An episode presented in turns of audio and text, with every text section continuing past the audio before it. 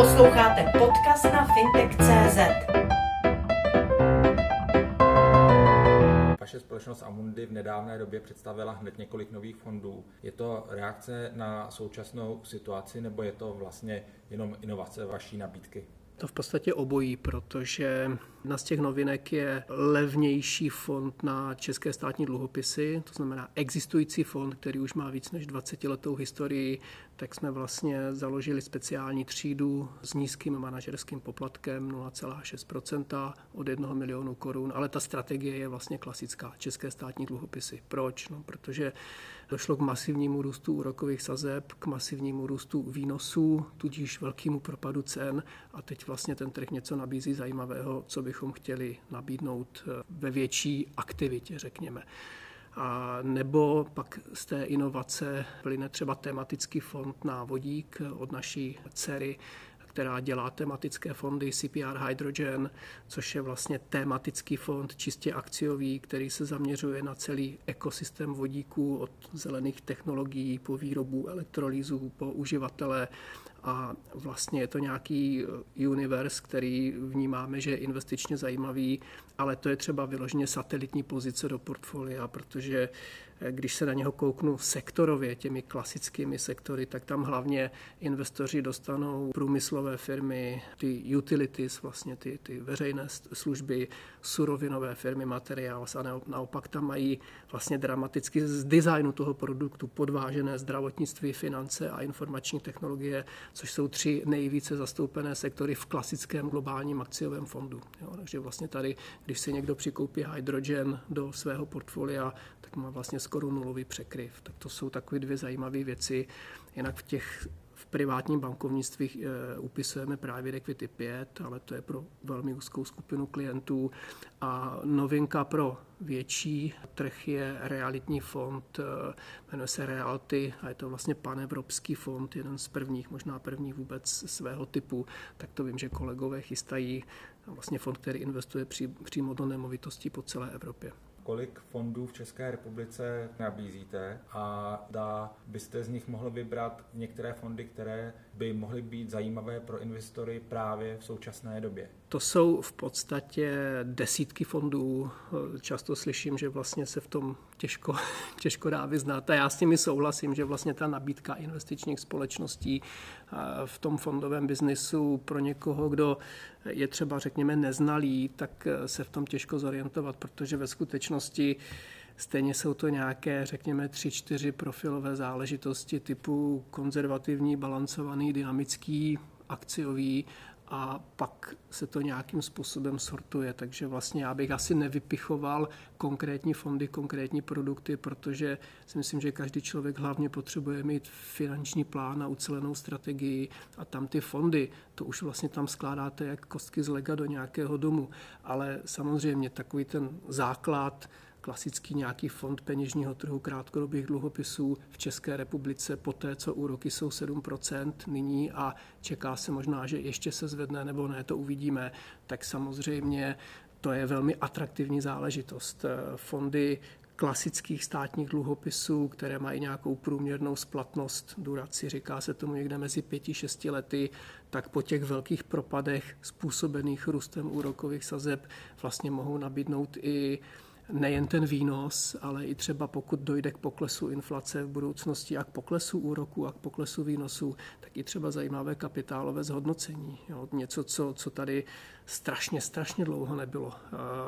A klasické akciové fondy tam v tom dnešním prostředí bych asi trošičku vypíchl možná ten návrat ke kořenům, jo, s tím, že co se systémově změnilo, co fakt stojí za nějaký větší komentář je, že vlastně skončilo období nulových úrokových sazeb, bezcených peněz a vlastně peníze začínají mít nějakou hodnotu a to má svůj dopad nejen právě na ty dluhopisy a vkladní knížky nebo spořící účty, ale i třeba na přecenění akciových trhů a na nějakou atraktivitu nějakých akciových strategií, takže více se do popředí dostává taková ta stará klasická škola, reálná firma dělá reálný biznis, reálnou službu, zisková, vyplácí dividendy nebo dělá zpětné odkupy, taková ta investiční klasika. Tak to se teď vrací s tím, jak vlastně se svět trochu snad dostává minimálně v té monetární stránce do normálních kolejí. Mimochodem před chvílí Eh, zvedla vlastně Evropská centrální banka úroky z minus 0,5 na nulu, takže dneškem po nějakých 11 letech už nemáme v eurozóně záporné sazby. Ale pořád je nula, to je pořád tragédie, to je pořád špatný. Ale začíná se to nějak normalizovat, takže v tomhle prostředí fakticky se tomu říká, nebo možná odborně value styl, hodnotový styl, ale i jako kvalitní růstová firma, která roste a generuje zisky, také dobré. Takže balancované strategie, diverzifikace, tyhle ty věci. Několikrát jste zmínil dluhopisové fondy. Pokud bych se ptal za investory začátečníky, tak ta veřejnost je často u těchto fondů zmatená ze dvou věcí. A to jsou rostoucí výnosy, klesající ceny. Jak ty dluhopisy a dluhopisové fondy fungují ve vztahu k základním úrokovým sazbám? To je otázka za milion. Já bych chtěl někdy docílit toho, že takhle vlastně matematicky triviální a zdravým selským rozumem triviálně pochopitelnou záležitost vlastně nejsme schopni jako ani vysvětlit, my jako odborná veřejnost, a ani ten příjemce pochopit, přestože ten příjemce je velmi často matematicky vzdělaný tak, že počítá složité matematické úlohy a tady vlastně naprosto banální výpočet, že když vzrostla úroková sazba na fixně úročeném papíru, tak abych já dostal větší výnos z toho, co má pevný kupon, pevný úrok, tak aby se ten vyšší výnos propsal ke mně jako kupujícímu, no tak musím dostat slevu na té ceně, no a když dostanu slevu na ceně, tak to znamená, že vidím, že ta cena propadla, tudíž vidím historicky záporný čísla a ty historicky záporné čísla u státních dluhopisů znamená, že vzrostl jejich budoucí výnos do splatnosti. Jo, to, to jako, když se takhle nějak jako popíšete, tak to celkem jako zní logicky, ale přesto toho vlastně jako 70-80% investorů do dluhopisových fondů vlastně nechápe, co se děje. Pokud bych zůstal ještě u této otázky, tak pro investora je důležitý výnos nebo cena dluhopisu?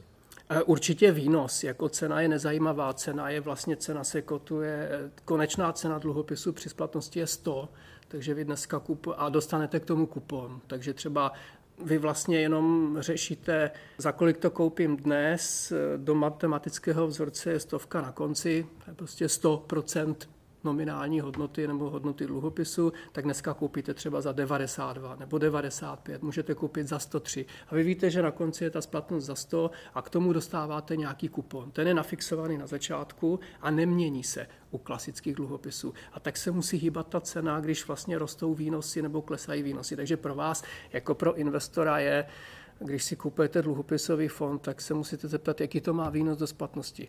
Vůbec nemusíte řešit, jakou to má historickou výkonnost. To je, ta je daná pohybem těch výnosů na trhu a to je to hlavní důležitý.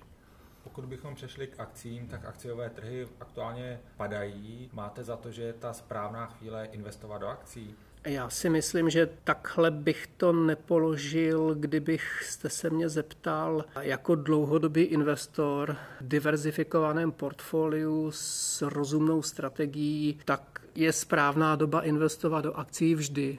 Jo, jako já si myslím, že normální člověk, který disponuje nějakými prostředky, tak by si měl nejprve říct, že pokud do akcí nechce investovat minimálně na 10 a více let, tak by o tom neměl uvažovat ani 10 minut. Pro drtivou většinu lidí je nejrozumnější vstup na akciový trh po malých dávkách, pravidelná investice, třeba měsíčně, týdně, denně, to je celkem jedno po celou dobu svého produktivního života. Když to zjednoduším, tisícovka denně do akcí, eh, nebo tisícovka týdně, nebo tisícovka měsíčně, nebo milion měsíčně, podle toho, jaký má kdo příjem majetek, ale ten celek, eh, takový jako když půjdu z vrchu, mě dává takový jako velký smysl, takové to pravidlo třetin. Jo. Na třetina úroky, to znamená hotovost, účty, dluhopisy, třetina nemovitosti, třetina biznis, akcie, vlastní podnikání, právě rekvity. To všechno je eh, vlastně jenom funkcí ještě toho, kolik těch peněz člověk má. Ale i když má ten člověk hodně málo peněz, tak si může spořit tisícovku měsíčně do akcí, nebo pravidelně investovat, spořit se nesmí, no, pardon, ale pravidelně investovat do akcí. A to, jestli jsou trhy tak nebo onde, vlastně na tom nezáleží.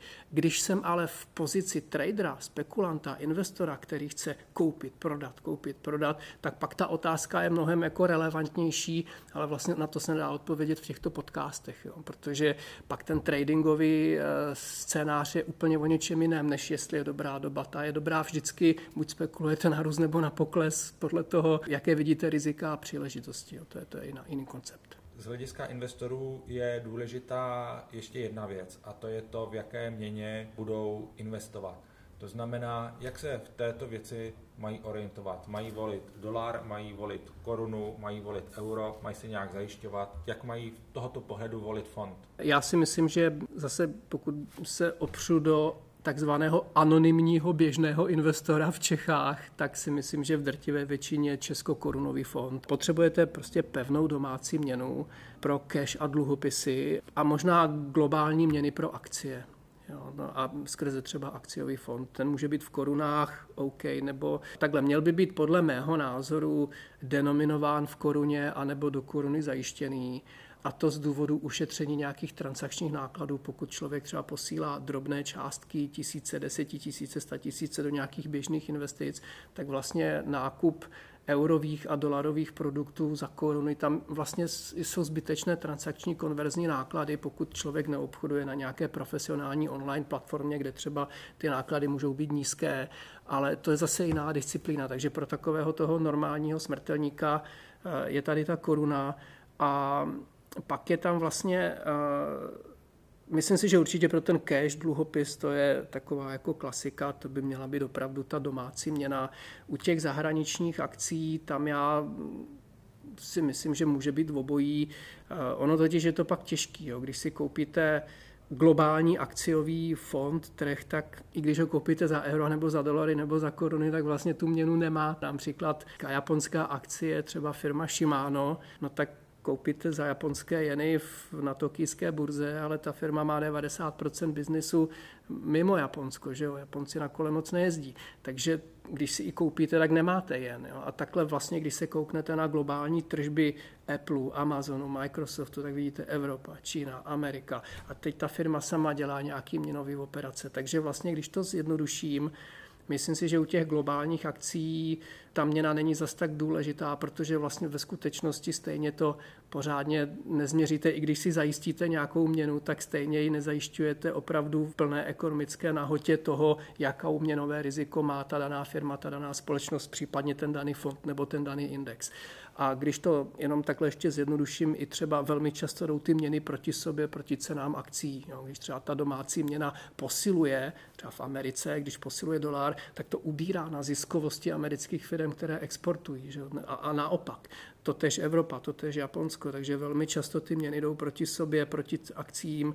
Takže když pak třeba se změříte volatilitu, kolísavost, riziko třeba globálního akciového indexu zajištěného měnově do nějaké jedné měny versus nezajištěného, tak třeba i ta volatilita toho nezajištěného je vlastně menší. Jo? Přestože tam to vypadá, jako kdyby to bylo rizikovější. Když je to měnově zajištěný, tak to vypadá, že je to méně rizikový. No není, je to více volatilnější, protože velmi často to, co je uvnitř, to, co se tam dělá, tak jako má tenhle vliv. U té měny ale ještě jedna podstatná věc. Momentálně teď, v současné době, když vlastně si koupíte cizoměnovou pozici a zajistíte si ji, nebo ten produkt je zajištěný, zajištění eura vám vlastně dneska přinese 7% eh, výnos ten kontrakt měnového zajištění koruna euro má 7% výnos. Po dnešku to bude asi o půl procenta míň, protože ECB sazby zvedla a ten výnos je funkcí rozdílu mezi úrokovými sazbami koruna versus euro. Ten je teď vysoký ve prospěch koruny. Takže vy, když si koupíte nějaký eurový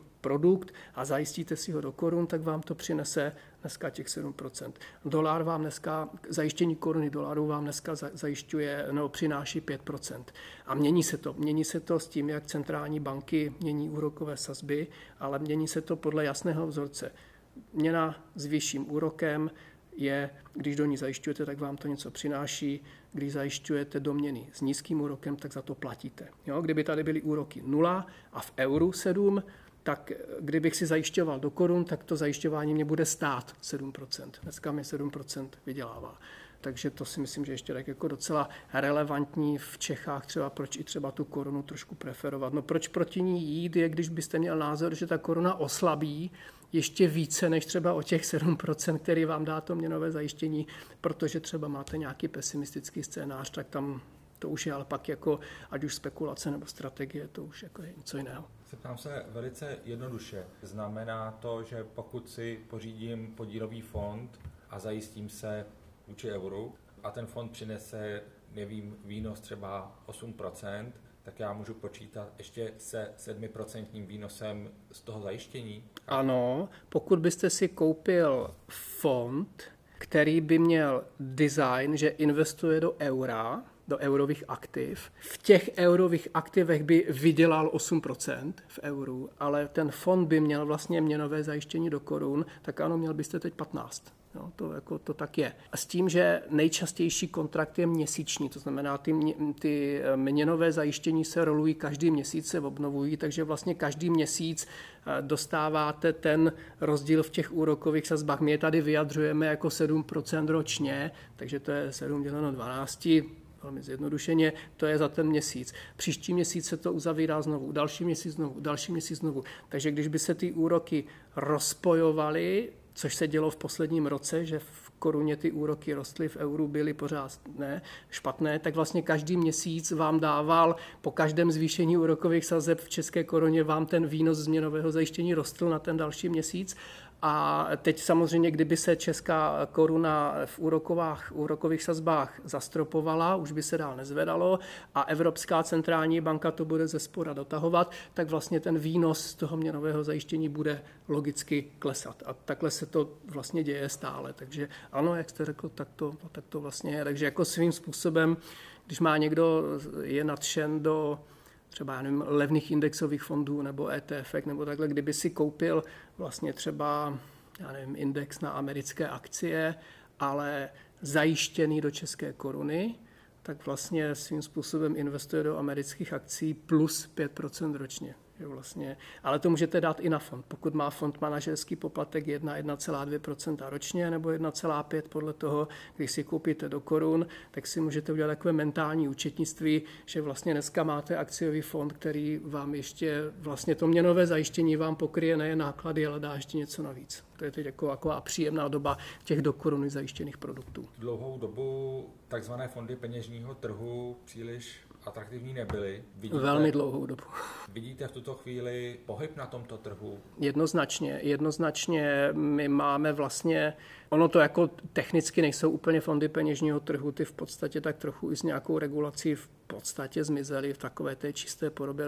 Ony jsou to dneska v podstatě fondy krátkodobých nebo fondy velmi krátkodobých dluhopisů, ale to není tak důležitý. Jako je tady pár fondů, které máme my, mají, mají i ostatní vlastně větší hráči s bankovní distribucí, tak mají vlastně ten produkt, který tak nějak jako je tomu blízko těm instrumentům velmi krátkých dluhopisů, takže bez té volatility, bez toho kolísání. Když uzavřete repo operaci, což je vlastně takový 14-denní termínový vklad krytý státním dluhopisem, jenom takový technický termín, tak se dneska uzavírá za 6,97 výnos, protože je repo sazba 7%. Takže jo, tyhle ty instrumenty jsou teď jako velmi populární. Značí to, že jsou tedy stále atraktivnější než jak se termínované vklady, spořící účty, to, co nabízejí v tuto chvíli banky s atraktivnějším úrokem než dřív? Já bych řekl, že ano, ale ani bych to tak jako nestavěl, protože si myslím, že je to zase o té diverzifikaci toho portfolia. Já si myslím, že zase každý člověk potřebuje mít nějaký peníze na spořícím účtu, terminovým vkladu a proč by nevyužil i tento typ fondu. Ono jako každý má něco, musíte zohlednit zdanění úrokových sazeb, případně tříletý investiční horizont, nákladovost toho produktu, VIP sazbu, kterou vám ta banka buď nabídne nebo nenabídne eh, a zase jsme u toho výnosu do splatnosti, kterým jsme začali. Musíte se kouknout, jaký má výnos do splatnosti ten daný fond, jaký má náklady, podívat se proti tomu, jaký mi dneska nabídne banka úrok, odečíst si 15% daň a říct si, je to lepší, je to horší. Myslím si, že dneska ve většině případů vám vyjde líp ten fond pořád ještě, a, ale nějak jako drasticky nutně nemusí. Dneska dostanete dobrý úrokový sazby a rozhodně bych to nestavil jedno nebo druhý. Já si myslím, že prostě člověk jako může využít v klidu obojí, jako bez problému. Vrátil bych se ještě k dluhopisům. Zeptal bych se na vaši zkušenost i na to, jak nahlížíte, co je tady v České republice běžným jevem, že se jaksi směšují nebruzovně obchodované dluhopisy různých firm s dluhopisy na trzích. To znamená, hmm. zda máte za to, že ta veřejnost je schopná, která hledá nějaké možnosti, jak ochránit peníze před inflací, toto správně rozlišovat. No, domnívám se, že spíš ne. Asi byste na to potřeboval možná někoho, kdo jenom ten trh těch korporátních dluhopisů, který nejsou investovatelný z našeho pohledu. My do nich neinvestujeme, ani žádná tady regulovaná větší investiční společnost, která je naší konkurenci, tak tyhle ty dluhopisy ty jsou pod rozlišovací úrovni, jsou malé, jsou nelikvidní, nemají žádnou kreditní kvalitu, některé jsou jenom rizikové, některé jsou přímo podvodné. Jo, toto je nějaký segment, který vznikl podle mého názoru samozřejmě v prostředí nulových úrokových sazeb. Tak jako lidi hledali. Že jo? A tenhle ten trh se nějak rozjel a bylo zajímavé, že jste měl nula úrok, bez rizika a někdo vám nabít dluhopis s 5 z 6 výnosy. Tak člověk jako řešil a většinou samozřejmě to jde o obrovsky rizikové projekty, ale říkám, některý jsou jenom rizikový a může to dopadnout dobře, i to dopadá dobře a některý jsou přímo podvodný. Těžko, těžko normální člověk se, se v tom fakt nevyzná, protože vlastně tu, to razítko na prospekt, že to schválila ČNB, dostane každý, protože ČNB neposuzuje kredibilitu toho dluhopisu, ale jenom formální stránky prospektu. Takže já jsem vždycky říkal lidem, pokud ten, kdo vám ten dluhopis nabídne, tak první, co vám řekne, že je to schválený ČNB, tak vám vlastně říká, že to v sobě nemá žádnou podstatu, protože vlastně co jiného, to, že to schválila ČNB, znamená, že formálně někdo správně napsal papír, ale neposoudil ten biznis toho dluhopisu a kreditní kvalitu. Takže pokud já se první rozvím, ne o té firmě, o tom biznisu, o, to, o té kreditní kvalitě, ale dozvím se, že to má razítko ČNB, tak mi ten člověk vlastně řekl, buď, že je to podvod, anebo že to je velmi rizikový, že tomu vůbec nerozumí. To si myslím, že se dá jako použít minimálně jako pro nějaký selský rozum, ale Myslím si, že těmhle těm produktům to teď budou mít velmi těžký, protože pokud vám státní dluhopis nabídne dneska 6% bez rizika per annum,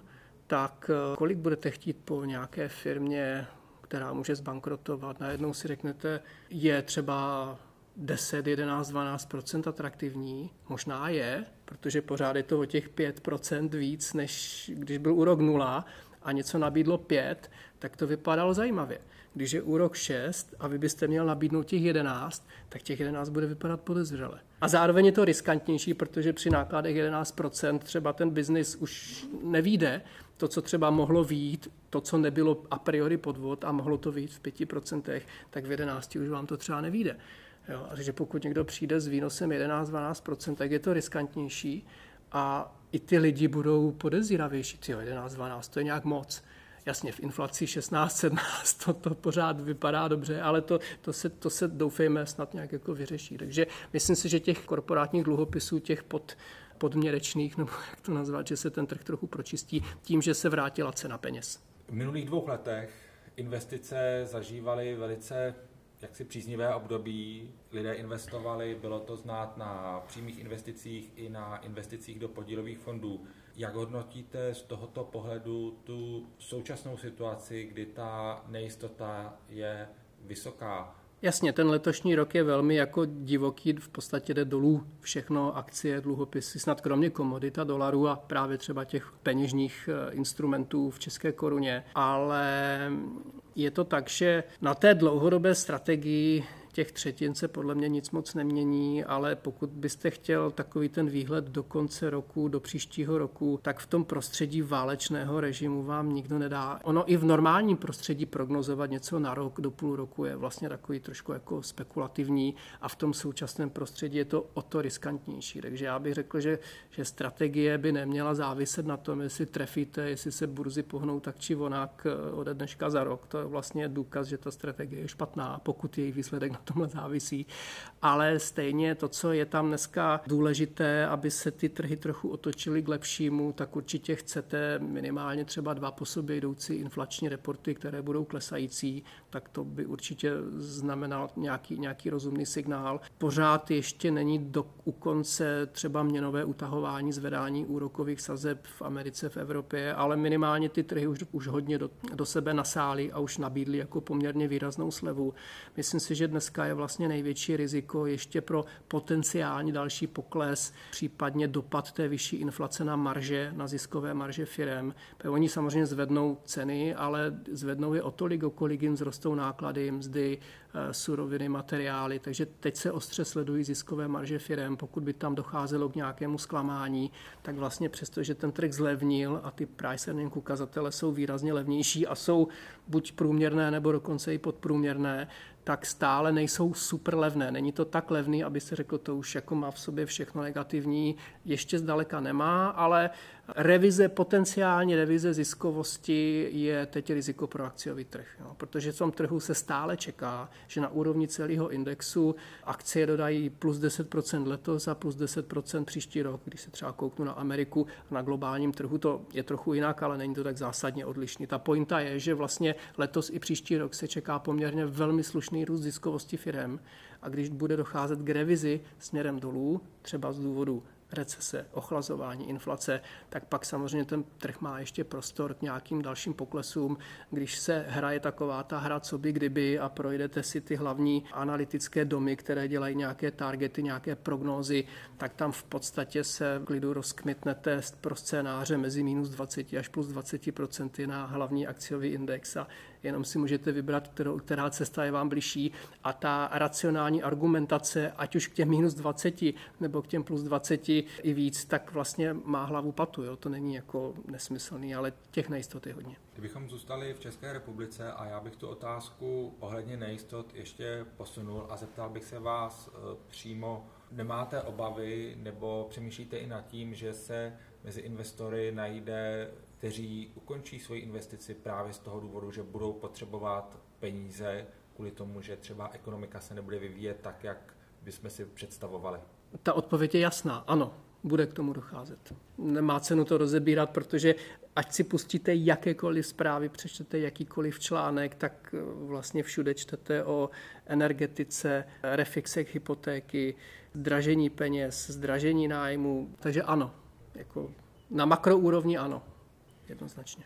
Jaký čekáte podzim a zimu v České republice z hlediska ekonomiky?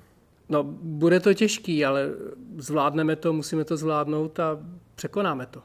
Když říkáte, že to překonáme, máte nějaké typy nebo body, které jsou nutné k tomu, abychom to skutečně překonali? Já jsem velkým zastáncem toho a velmi vítám, že, že skončila éra bezcených peněz. Jo, já si myslím, že jsme zjistili celosvětově po mnoha letech experimentů, že vyfukováním tabákového dýmu do vody zlato nevzniká, na to přišel Zimmermann a my jsme teď přišli na to, že nulovými úroky a tištěním peněz prosperita nevzniká a teď se ta situace nějak normalizuje, platíme za to cenu a důležité bude zase prostě cena peněz, produktivita práce, zodpovědnost, rozumné projekty a ten přechod je těžký. Každá odvykačka je těžká, ale je nutná. Takže proto jsem optimista.